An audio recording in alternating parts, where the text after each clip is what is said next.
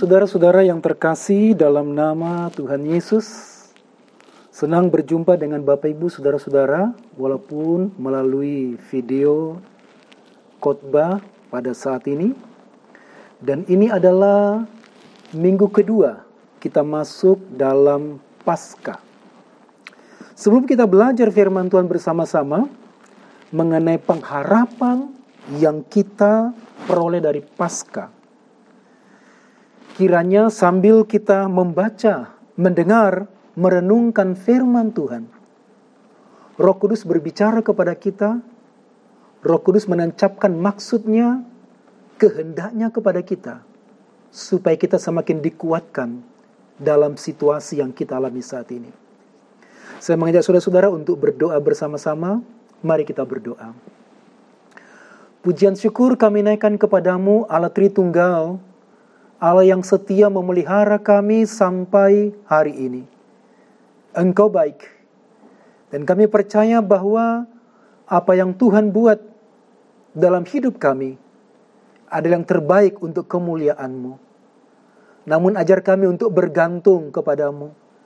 Ajar kami Tuhan untuk mencari hikmat-Mu dan kehendak-Mu, tujuan dari perkara-perkara yang saat ini kami alami biar kiranya kami beroleh maksud Tuhan, hati Tuhan dalam segala perkara itu.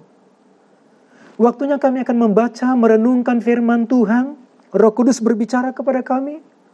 Roh Kudus menyatakan hati Bapa, kehendak Bapa. Supaya kami hidup dalam firman Tuhan. Kami bertekun dalam firman Tuhan. Dan kami berjumpa dengan kuasa firman Tuhan. Kami siapkan hati kami, telinga kami Silakan Roh Kudus mengajar kami. Dalam nama Juru Selamat kami, Tuhan Yesus, kami berdoa. Amin. Saudara-saudaraku, saya mengajak saudara-saudara untuk membuka firman Tuhan bersama-sama dalam Markus pasal 1, pasal 16, ayat 1 sampai dengan 8. Markus pasal 16, ayat 1 sampai dengan 8. Kalau saudara sudah menemukan, Mari kita membaca bersama-sama dalam Markus 16 ayat 1 sampai dengan 8. Setelah lewat hari Sabat, Maria Magdalena dan Maria ibu Yakobus serta Salome membeli rempah-rempah untuk pergi ke kubur dan meminyaki Yesus. Dan pagi-pagi benar pada hari pertama minggu itu setelah matahari terbit, pergilah mereka ke kubur. Mereka berkata seorang kepada yang lain, Siapa yang akan menggulingkan batu itu bagi kita dari pintu kubur? Tetapi ketika mereka melihat dari dekat, tampaklah batu yang memang sangat besar itu sudah terguling. Lalu mereka masuk ke dalam kubur, dan mereka melihat seorang muda yang memakai jubah putih duduk di sebelah kanan. Mereka pun sangat terkejut. Tetapi orang, orang muda itu berkata kepada mereka, "Jangan takut, kamu mencari Yesus orang Nazaret yang disalibkan itu, ia telah bangkit. Ia tidak ada di sini. Lihat, inilah tempat mereka membaringkan dia. Tetapi sekarang pergilah, katakanlah kepada murid-muridnya dan kepada Petrus, ia mendahului kamu ke Galilea. Di sana kamu akan melihat dia seperti yang sudah dikatakannya kepada kamu. Lalu mereka keluar dan lari meninggalkan kubur itu sebab gentar dan dahsyat menimpa mereka. Mereka tidak mengatakan apa-apa kepada siapa pun juga karena takut.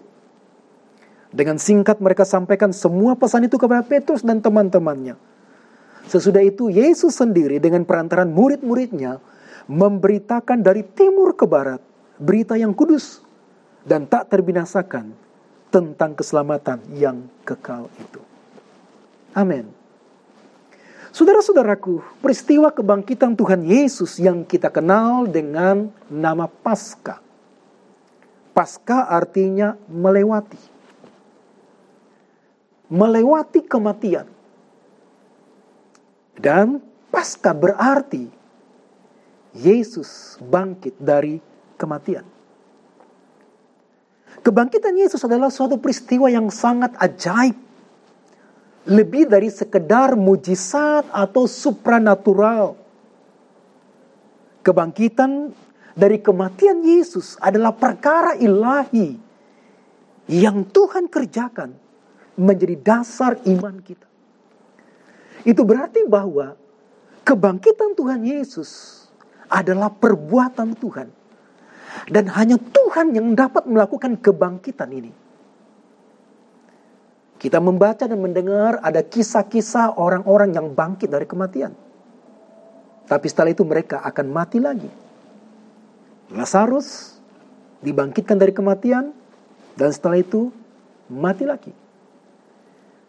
Saudara-saudara, dalam Markus 16 ayat 1 sampai dengan 18, kita menemukan ada tiga jawaban Tuhan atas pergumulan kita. Dalam Markus 16 ayat 1 sampai 8 ini kita menemukan tiga pergumulan itu. Yang pertama adalah pergumulan mengenai keterbatasan atau kelemahan. Yang kedua pergumulan dengan ketakutan kita. Dan yang ketiga, pergumulan tentang masa depan kita di akhir zaman nanti. Kematian yang kedua. Nah, saudara-saudara, kita akan membahas bersama-sama tentang jawaban Tuhan terhadap pergumulan kita. Yang pertama, saudara-saudara, di ayat 3 sampai dengan 4, kita menemukan ayat 3 sampai 4 di sana dikatakan, mereka berkata seorang kepada yang lain, siapa yang akan menggulingkan batu itu bagi kita dari pintu kubur? Tetapi ketika mereka melihat dari dekat, tampaklah batu yang memang sangat besar itu sudah terguling. Yang pertama, saudara-saudara, pasca menyatakan bahwa Tuhan sanggup menjawab keterbatasan atau kelemahan kita. Tuhan sanggup menjawab keterbatasan atau kelemahan kita.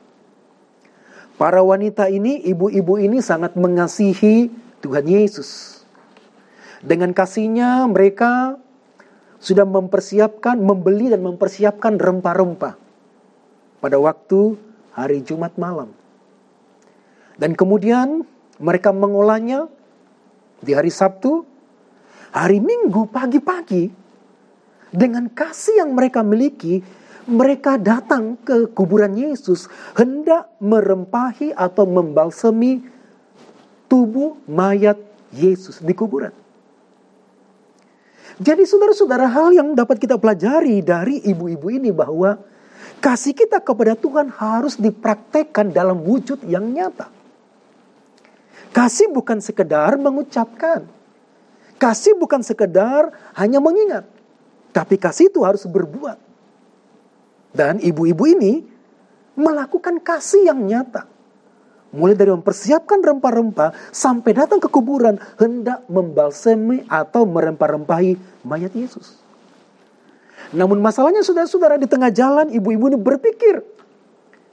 Di ayat 3 itu, siapa yang akan menggulingkan pintu batu yang besar itu bagi kita? Atau mungkin lebih tepatnya begini, siapa yang akan menolong kita nanti untuk menggulingkan pintu batu besar penutup kuburan Yesus? Mereka manusia terbatas, mereka wanita yang terbatas kekuatannya, dan tidak mungkin mereka bertiga itu dapat mendorong batu yang besar penutup dari kuburan Yesus. Mereka terbatas. Berita baik yang kita dengar saat ini mengenai pasca bahwa Tuhan mendengarkan seruan doa kita. Tuhan mengetahui pergumulan kita, Tuhan mengetahui kelemahan kita dan keterbatasan kita. Tuhan mengirimkan penolong Tuhan mengirimkan malaikat dari sorga untuk membantu mereka menggulingkan batu penutup kuburan di mana Yesus disemayamkan. Tuhan mengirimkan tentaranya, malaikat. Pihak sorga peduli dengan kelemahan umat yang mengasihi Tuhan. Pihak sorga peduli dengan kelemahan wanita-wanita ini. Dan pihak sorga berjuang mendengarkan doa dari wanita ini. Hal yang sama juga terjadi dalam kita, umatnya. Allah yang setia mengetahui persis semua kelemahan kita, mengetahui persis semua keterbatasan kita. tapi jangan pernah berhenti melangkah. Hal yang kedua yang kita pelajari dari ibu-ibu ini adalah menyatakan kasihnya, tapi juga mereka tidak berhenti melangkah ketika mereka tahu keterbatasan mereka. Bisa saja saudara-saudara di tengah jalan, ketika mereka memikirkan siapa yang akan menggulingkan batu pintu penutup kuburan, Yesus. Mereka mungkin berbalik, lalu mengajak beberapa laki-laki untuk datang bersama-sama. Tetapi hal yang menarik adalah Para wanita ini tetap maju, tidak mundur, karena mereka memiliki keyakinan. Pasti Tuhan buka jalan. Saudara-saudara kita juga harus memiliki keyakinan saat ini bahwa Tuhan buka jalan. Semua pertanyaan kita mengenai kelemahan kita, semua pertanyaan kita mengenai siapa yang akan menolong kita, dijawab oleh Tuhan. Lakukanlah tugas kita. Jangan mundur terus maju berjalan karena di depan sana Tuhan sudah mempersiapkan pertolongannya. Kita tidak melihat Tuhan. Dan kita tidak melihat pertolongan Tuhan. Kita tidak melihat malaikat. Tetapi Tuhan mengetahui persis kelemahan kita. Tuhan mengetahui persis semua keterbatasan kita. Dan Tuhan tahu bahwa kita mengasihinya. Jangan berhenti bekerja, jangan berhenti melayani Tuhan, jangan berhenti memuliakan Tuhan, karena Tuhan tahu keterbatasanmu, Tuhan tahu kelemahanmu, Tuhan tahu pergumulanmu. Dia menggerakkan tenaga dari surga, dikirimnya tentara malaikatnya. Menggulingkan batu itu. Bukan hanya tentara malaikat, di Matius pasal 28 ayat 2 kita membaca maka terjadilah gempa bumi yang hebat Tuhan melakukan tenaga yang dahsyat membuat gempa bumi. Dan kemudian malaikat datang menggulingkan batu yang menutupi kubur Yesus. Tuhan tahu persis bagaimana dia akan bekerja. Jangan berhenti saat ini.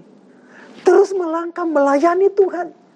Jangan berhenti, jangan mundur, jangan mencari pertolongan orang lain, jangan berharap kepada orang lain di belakangmu, jangan berharap orang-orang lain di sekitar kita. Majulah karena Tuhan ada di depan kita. Dia tahu apa yang dia lakukan dan dia akan menolong kita. Dia melakukan perkara yang ajaib. Yang pertama saudara-saudara, pasca menyatakan kepada kita bahwa Tuhan sanggup untuk menjawab semua kelemahan kita, keterbatasan kita. Amin, saudaraku. Apa hubungan kebenaran ini dengan situasi yang kita alami saat ini? Serangan COVID-19 adalah pergumulan yang besar bagi kita. Ada banyak orang, banyak jemaat yang berhenti dari pekerjaan. Banyak orang di PHK atau dirumahkan kita kesulitan ekonomi. Lalu beberapa orang bertanya, siapa menolong kami saat ini? Siapa yang dapat membagikan berkatnya bagi kita? Di luar pikiran kita, di luar kemampuan kita, ada kuasa besar yang sedang menantikan kasih kita. Jangan berhenti untuk mengasihi Tuhan. Jangan berhenti untuk melayani Tuhan. Dia tahu keterbatasanmu, dia tahu kelemahanmu, dan dia akan menolong kita. Tetaplah setia mengasihi Tuhan. Tetaplah setia berjalan kepadanya dan ia akan membuktikan kuasanya untuk menolongmu. Amin, saudaraku. Yang kedua, apa yang diajarkan pasca kepada kita menurut Markus pasal 16 ini?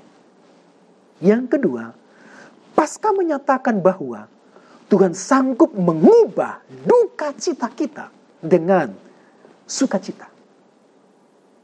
Ayat 5 sampai dengan 6. Mari kita perhatikan ayat 5 sampai dengan 6.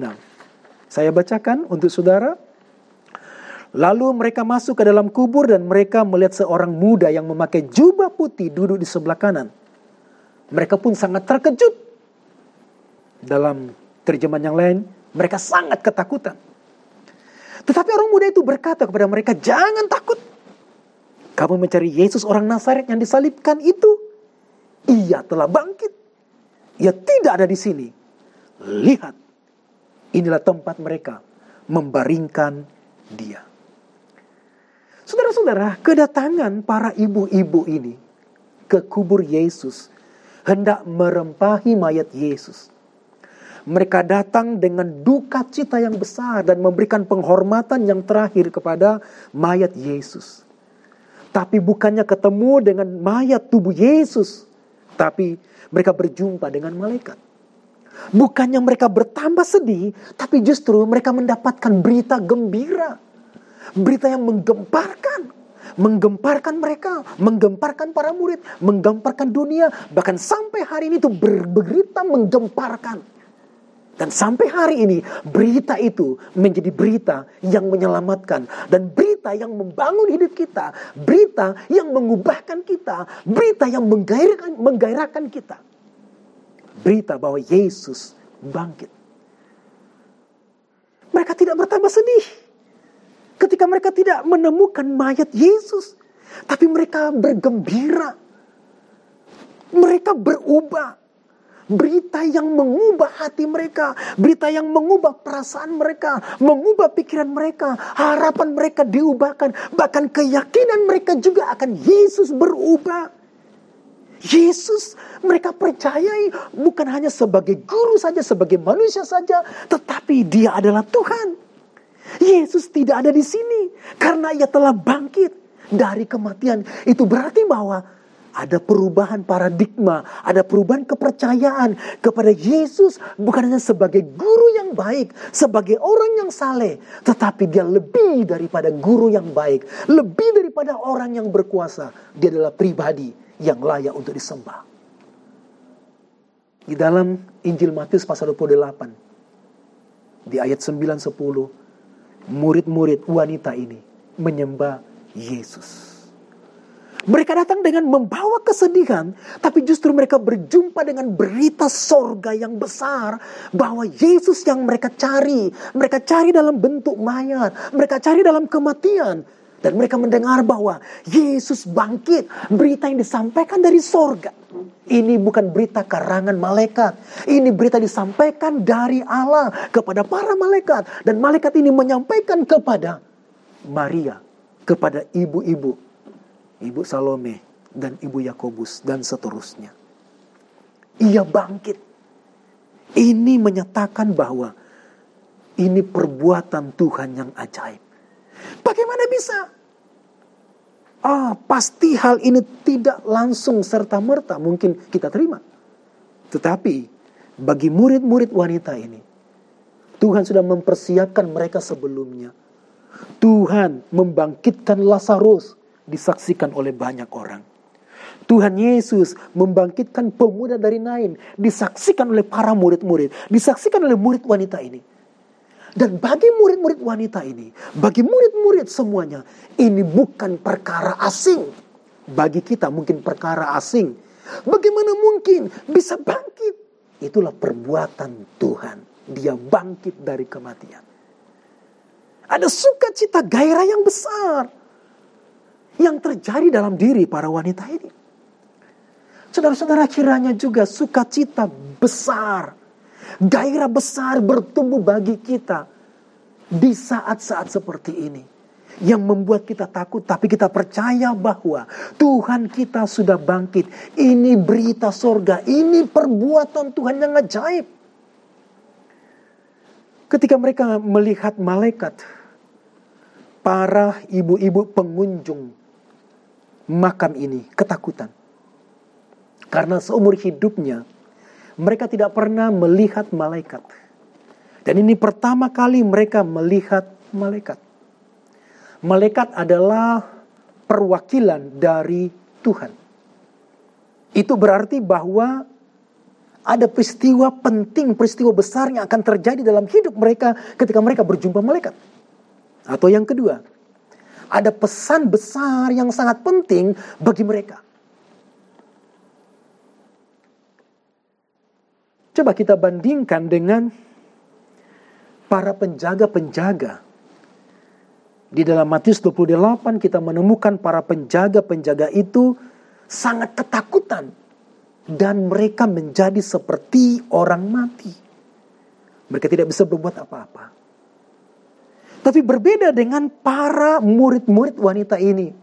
Mereka mengasihi Tuhan dan ada harapan bagi mereka, ada janji bagi mereka, ada kesempatan bagi mereka. Dan malaikat berkata kepada ibu-ibu ini, jangan takut. Saudara-saudara, jangan takut. Berita Injil dimulai dengan kata jangan takut. Jangan takut disampaikan malaikat Gabriel kepada Ibu Maria. Jangan takut. Disampaikan malaikat yang ada di padang Efrata berlaksa-laksa disampaikan kepada gembala-gembala di padang Efrata. Tuhan Yesus juga berkata kepada murid-muridnya ketika mereka menyeberang danau Galilea. Di tengah malam itu, dalam Matius pasal 14 ayat 27, Yesus berkata kepada mereka, Tenanglah aku ini, jangan takut. Dalam perjanjian lama kita menemukan kata jangan takut begitu banyak. Misalnya, Yesaya berkata kepada orang-orang Israel di pembuangan, Jangan takut. Nabi Elisa berkata kepada bujangnya Gehasi ketika mereka dikepung oleh tentara Aram dan akan menangkap Elisa. Lalu bujangnya ini keluar dari rumah dan melihat begitu banyak tentara yang akan menangkap mereka. Lalu Elisa berkata kepada bujangnya, "Jangan takut, sebab lebih banyak yang menyertai kita daripada yang menyertai mereka. Jangan takut saudara. Lebih banyak yang menyertai kita daripada kesulitan kita hari ini. Tuhan Yesus mengatakan kepada Yohanes ketika Yohanes dibuang di pulau Patmos. Yesus berkata kepada Yohanes, "Jangan takut. Aku adalah yang awal dan yang akhir. Malaikat berkata kepada wanita ibu-ibu pengunjung kuburan ini, "Jangan takut. Yesus tidak ada di dalam kematian. Yesus sudah bangkit." Apa itu jangan takut? Saudara-saudara, jangan takut itu adalah berita dari sorga. Itu berita Injil. Mengapa kita tidak boleh takut? Karena Tuhan kita menjadi manusia. Dia mengambil rupa seperti dengan manusia.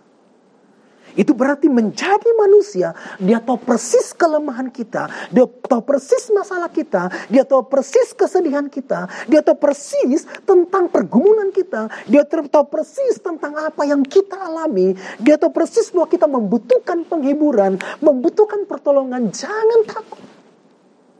Dia sudah menjadi manusia. Tapi lebih daripada itu, jangan takut. Karena dia sudah mati di kayu salib menggantikanmu. Semua kutuk, semua dosa, semua pelanggaran, semua hukuman, kebinasaan ditimpakan kepadamu, diangkat, diberikan kepada Yesus, dipikul oleh Yesus. Jangan takut. Jangan takut oleh karena Yesus sudah bangkit dari kematian. Kita takut sekarang dengan situasi saat ini. Kita takut dengan serangan virus corona. Kita takut dengan sakit, dengan kematian. Kita takut dengan pergumulan kita. Jangan takut. Sebab Tuhan mengerti kita. Dan dia akan mengubahkan duka citamu menjadi sukacita. Pasca menyatakan kepada kita bahwa Tuhan menjawab duka kita. Tuhan menggantikan duka cita kita menjadi sukacita karena Yesus bangkit dari kematian. Yesus menang dari kematian. Kematian ditakuti oleh orang yang tidak ada obatnya tapi bisa mengalahkannya. Jangan takut, dia pemenang. Jangan takut, dia hebat dari apa pun dan siapa pun. Jangan takut, dia memelihara kita. Kebusukan tidak bisa menghampiri tubuh Yesus digantikan dengan tubuh kemuliaannya. Jangan takut. Ada berita kesukaan sorga bagi kita saat ini. Apakah saudaraku sedang takut hari ini? Apakah kita sedang bergumul dan kemudian kita menantikan pertolongan Tuhan? Jangan takut. Ia tidak ada dalam kematian. Ia tidak kalah dalam kematian. Ia tidak kalah dalam penderitaan. Cambuk, pedang, salib, kematian tidak bisa mengikatnya. Dia lepas dan memberikan kelepasan bagi kita juga. Amin, saudaraku. Apa hubungan kebenaran ini dengan situasi yang kita alami saat ini? Jangan takut. Kita harus membuang semua ketakutan dan kekhawatiran kita. Karena Tuhan kita hidup. Tuhan kita berkuasa atas kematian. Ia berkuasa atas apa yang kita takuti. Ia berkuasa atas kelemahan kita, kekurangan kita, keterbatasan kita. Jangan takut, ia berkuasa. Dan milikilah sukacita sekarang. Milikilah sukacita. Tuhan kita sudah bangkit dari kematian.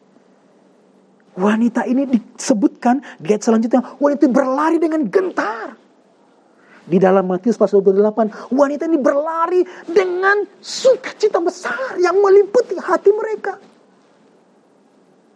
Bayangkan saudara, mereka sedang membawa rempah-rempah. Mereka sedang bersedih, kehilangan. Dan mereka hendak membalsemi mayat Yesus, tubuh Yesus yang sudah mati. Itu adalah penghormatan yang terakhir.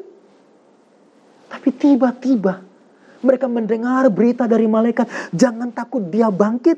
Dia meninggalkan semua kelemahan saat itu. Dia meninggalkan semua kesedihan hari itu. Meninggalkan rempah-rempahnya. Mereka sudah persiapkan sebelumnya. Mereka meninggalkan dan berlari masuk ke kota. Dan berkata kepada murid-muridnya, kepada Petrus, Yesus bangkit ada sukacita yang besar. Yesus menang. Ada sukacita besar. Yesus berkuasa. Ada sukacita besar. Karena Yesus sanggup menolong kita juga. Hari ini saudara. Jangan tinggal dalam kesedihanmu. Jangan tinggal dalam duka citamu. Bangkit. Tuhan kita sudah bangkit. Amin saudaraku. Yang ketiga. Jawaban pasca bagi kita.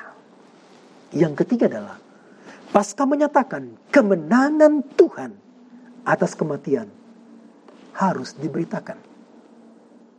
Kemenangan Tuhan atas kematian harus diberitakan.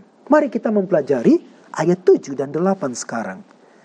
Kita kembali ke Markus pasal 16 ayat 7 dan 8. Demikian bunyinya. Tetapi sekarang pergilah. Katakanlah kepada murid-muridnya dan kepada Petrus ia mendahului kamu ke Galilea. Di sana kamu akan melihat dia seperti yang disuruh dikatakannya kepada kamu. Ayat 8. Lalu mereka keluar dan lari meninggalkan kubur itu. Sebab gentar dan dahsyat menimpa mereka. Ada kedahsyatan yang terjadi dalam hidup mereka. Ada kedahsyatan meliputi hati mereka.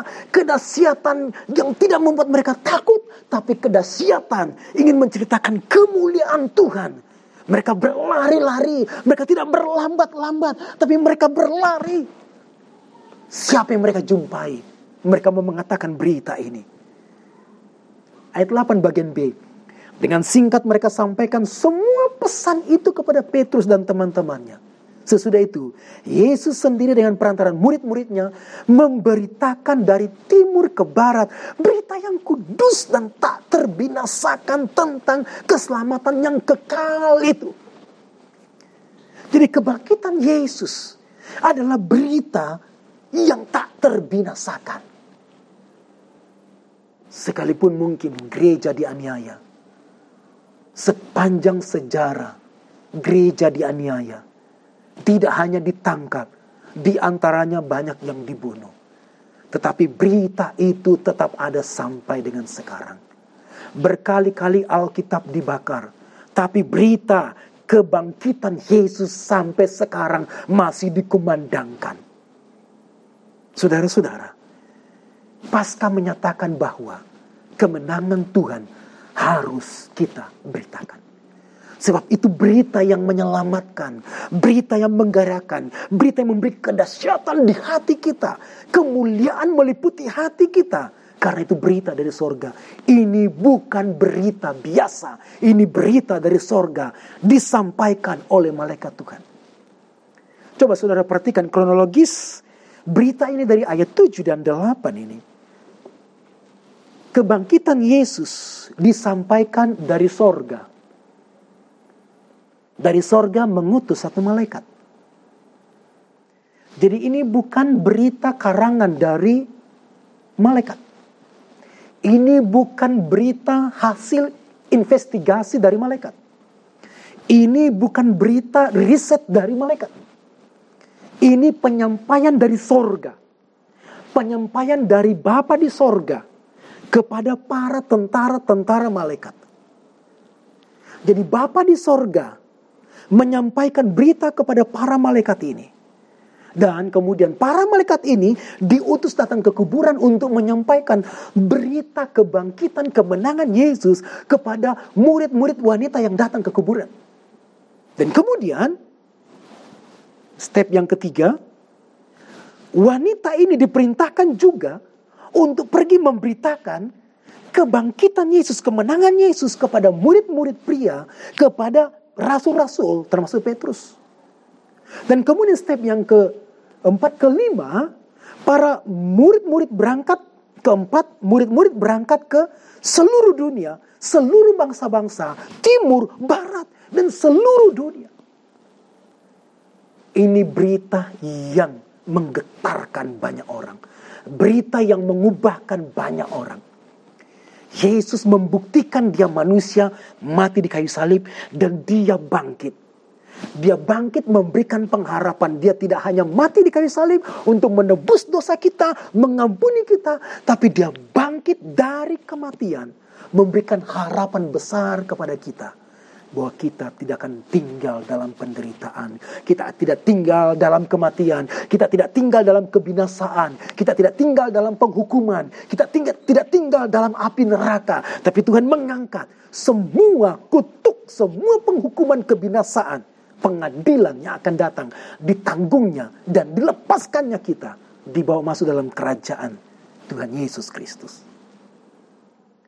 Saudara-saudara, saya mencatat per hari ini, jam ini, virus corona telah menjangkiti sebanyak 2 juta 269.143 orang per hari ini. Dan sudah membunuh hampir 155.190 orang. Yang sembuh dari yang terjangkiti 2.269.143 orang yang sembuh adalah 582.195 orang. Saudara-saudara, hampir seimbang kematian dan kesembuhan. Tetapi ada virus yang lebih dahsyat. Virus dosa Virus dosa membunuh semua orang di muka bumi ini. Tidak ada satu yang tertinggal. Roma 6 ayat 23 berkata, Sebab semua orang telah berdosa dan telah kehilangan kemuliaan Allah. Lalu pasal 6 ayat 23 berkata, upah dosa adalah kematian. Upah dosa adalah kematian. Orang yang berdosa pasti mati. Virus dosa itu menjangkiti kita turun-temurun dimulai dari nenek moyang kita Adam dan Hawa sampai kepada kita hari ini. Dan akan terus menjangkiti seluruh manusia.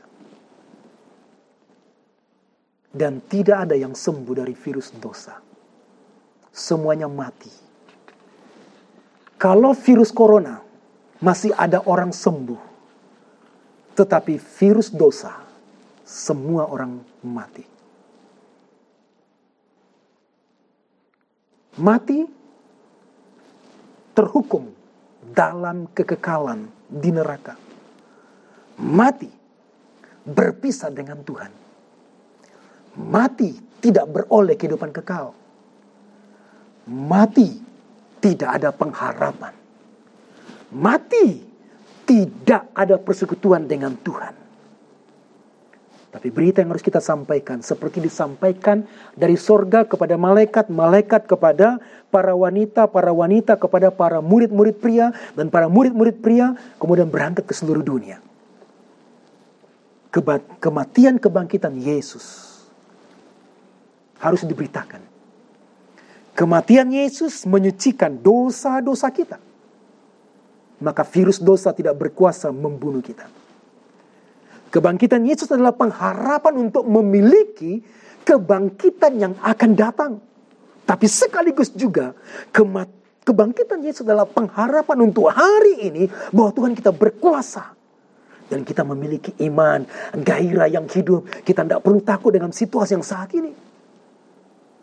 Jadi kita harus mendasarkan hidup kita dengan berita kematian kebangkitan Tuhan Yesus berita kematian kebangkitan Yesus harus menjadi prioritas utama dalam hidup kita. Anggaplah sekarang, saya dan saudara-saudara, para wanita yang datang ke kuburan dan sudah berjumpa dengan berita kemenangan yang disampaikan oleh para malaikat. Dan kita sudah berjumpa dengan Yesus yang sudah bangkit dari kematian. Sekarang berita itu harus kita sampaikan kepada orang-orang yang pasti binasa sekarang. Orang-orang yang takut, orang-orang yang terhukum, orang-orang yang tidak tahu ke mana perjalanan mereka. Mereka tidak tahu sorga atau neraka.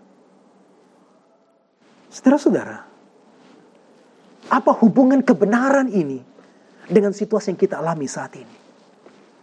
Saat ini banyak orang mengeluh, takut, khawatir, takut mati. Eh, dan kalau mereka mati, mereka mati tanpa harapan, tanpa harapan hidup kekal. Mereka mati dan binasa dalam kekekalan dengan penghukuman di neraka. Hanya Injil keselamatan, Injil Yesus bangkit yang dapat menyelamatkan mereka. Saudara-saudara, situasi yang saat ini dipakai oleh Tuhan supaya kita berlari kepada Tuhan. Situasi saat ini Tuhan bekerja di seluruh dunia. Tuhan bekerja untuk mencari orang-orang yang haus, orang-orang yang rindu akan Dia, orang-orang yang rindu untuk diselamatkan. Tuhan berbicara kepada mereka dan Tuhan menjumpai mereka supaya mereka diselamatkan dengan berita kematian kebangkitan Yesus. Paskah bukan hanya perayaan. Dengan membagi-bagikan telur.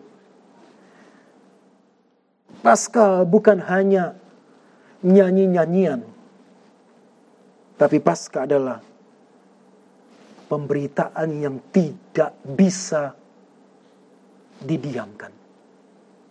Pemberitaan yang harus kita kerjakan. Yesus bangkit. Dan itu menyelamatkan semua orang. Pasca menyatakan bahwa kebangkitannya menyelamatkan orang-orang yang terhukum, orang-orang yang binasa. Saya menyimpulkan firman Tuhan ini. Yang pertama, saudara-saudara, pasca adalah pengharapan atas kelemahan kita. Yang kedua, pasca adalah pengharapan atas duka cita kita. Tuhan sanggup mengubahnya menjadi sukacita. Yang ketiga, pasca adalah pengharapan atas kematian kita. Digantikan dengan kehidupan kekal, keselamatan karena Yesus sudah bangkit dari kematian. Saya memberi tantangan kepada saudara-saudara yang pertama saudara-saudara, kalau saudara-saudara merasa lemah, terbatas, dan memiliki pergumulan yang berat tentang masalah hidup ini, datanglah kepada Yesus. Datanglah kepada Yesus yang sudah bangkit dari kematian. Sanggup menolongmu. Sanggup memberi jawaban untuk semua kelemahan dan keterbatasanmu. Tantangan yang kedua bagi saudaraku yang merasa ketakutan, khawatir, penuh dengan duka cita, penuh dengan kemarahan atau tanpa masa depan. Saya mengajak saudara-saudara untuk datang kepada Yesus yang sudah bangkit dari kematian. Akan memberikan harapan kepadamu, sukacita, memberikan hati yang penuh dengan damai sejahtera. Kuasa kebangkitannya mengalir dalam hati dan pikiranmu saat ini. Atau mungkin, adakah di antara kita yang perjalanannya belum jelas tujuan hidup kekal? Datanglah kepada Yesus. Yesus sanggup untuk menolong kita. Yesus sanggup untuk menyelamatkan saudara. Yesus sanggup untuk mengubahkan saudara. Habis penuh.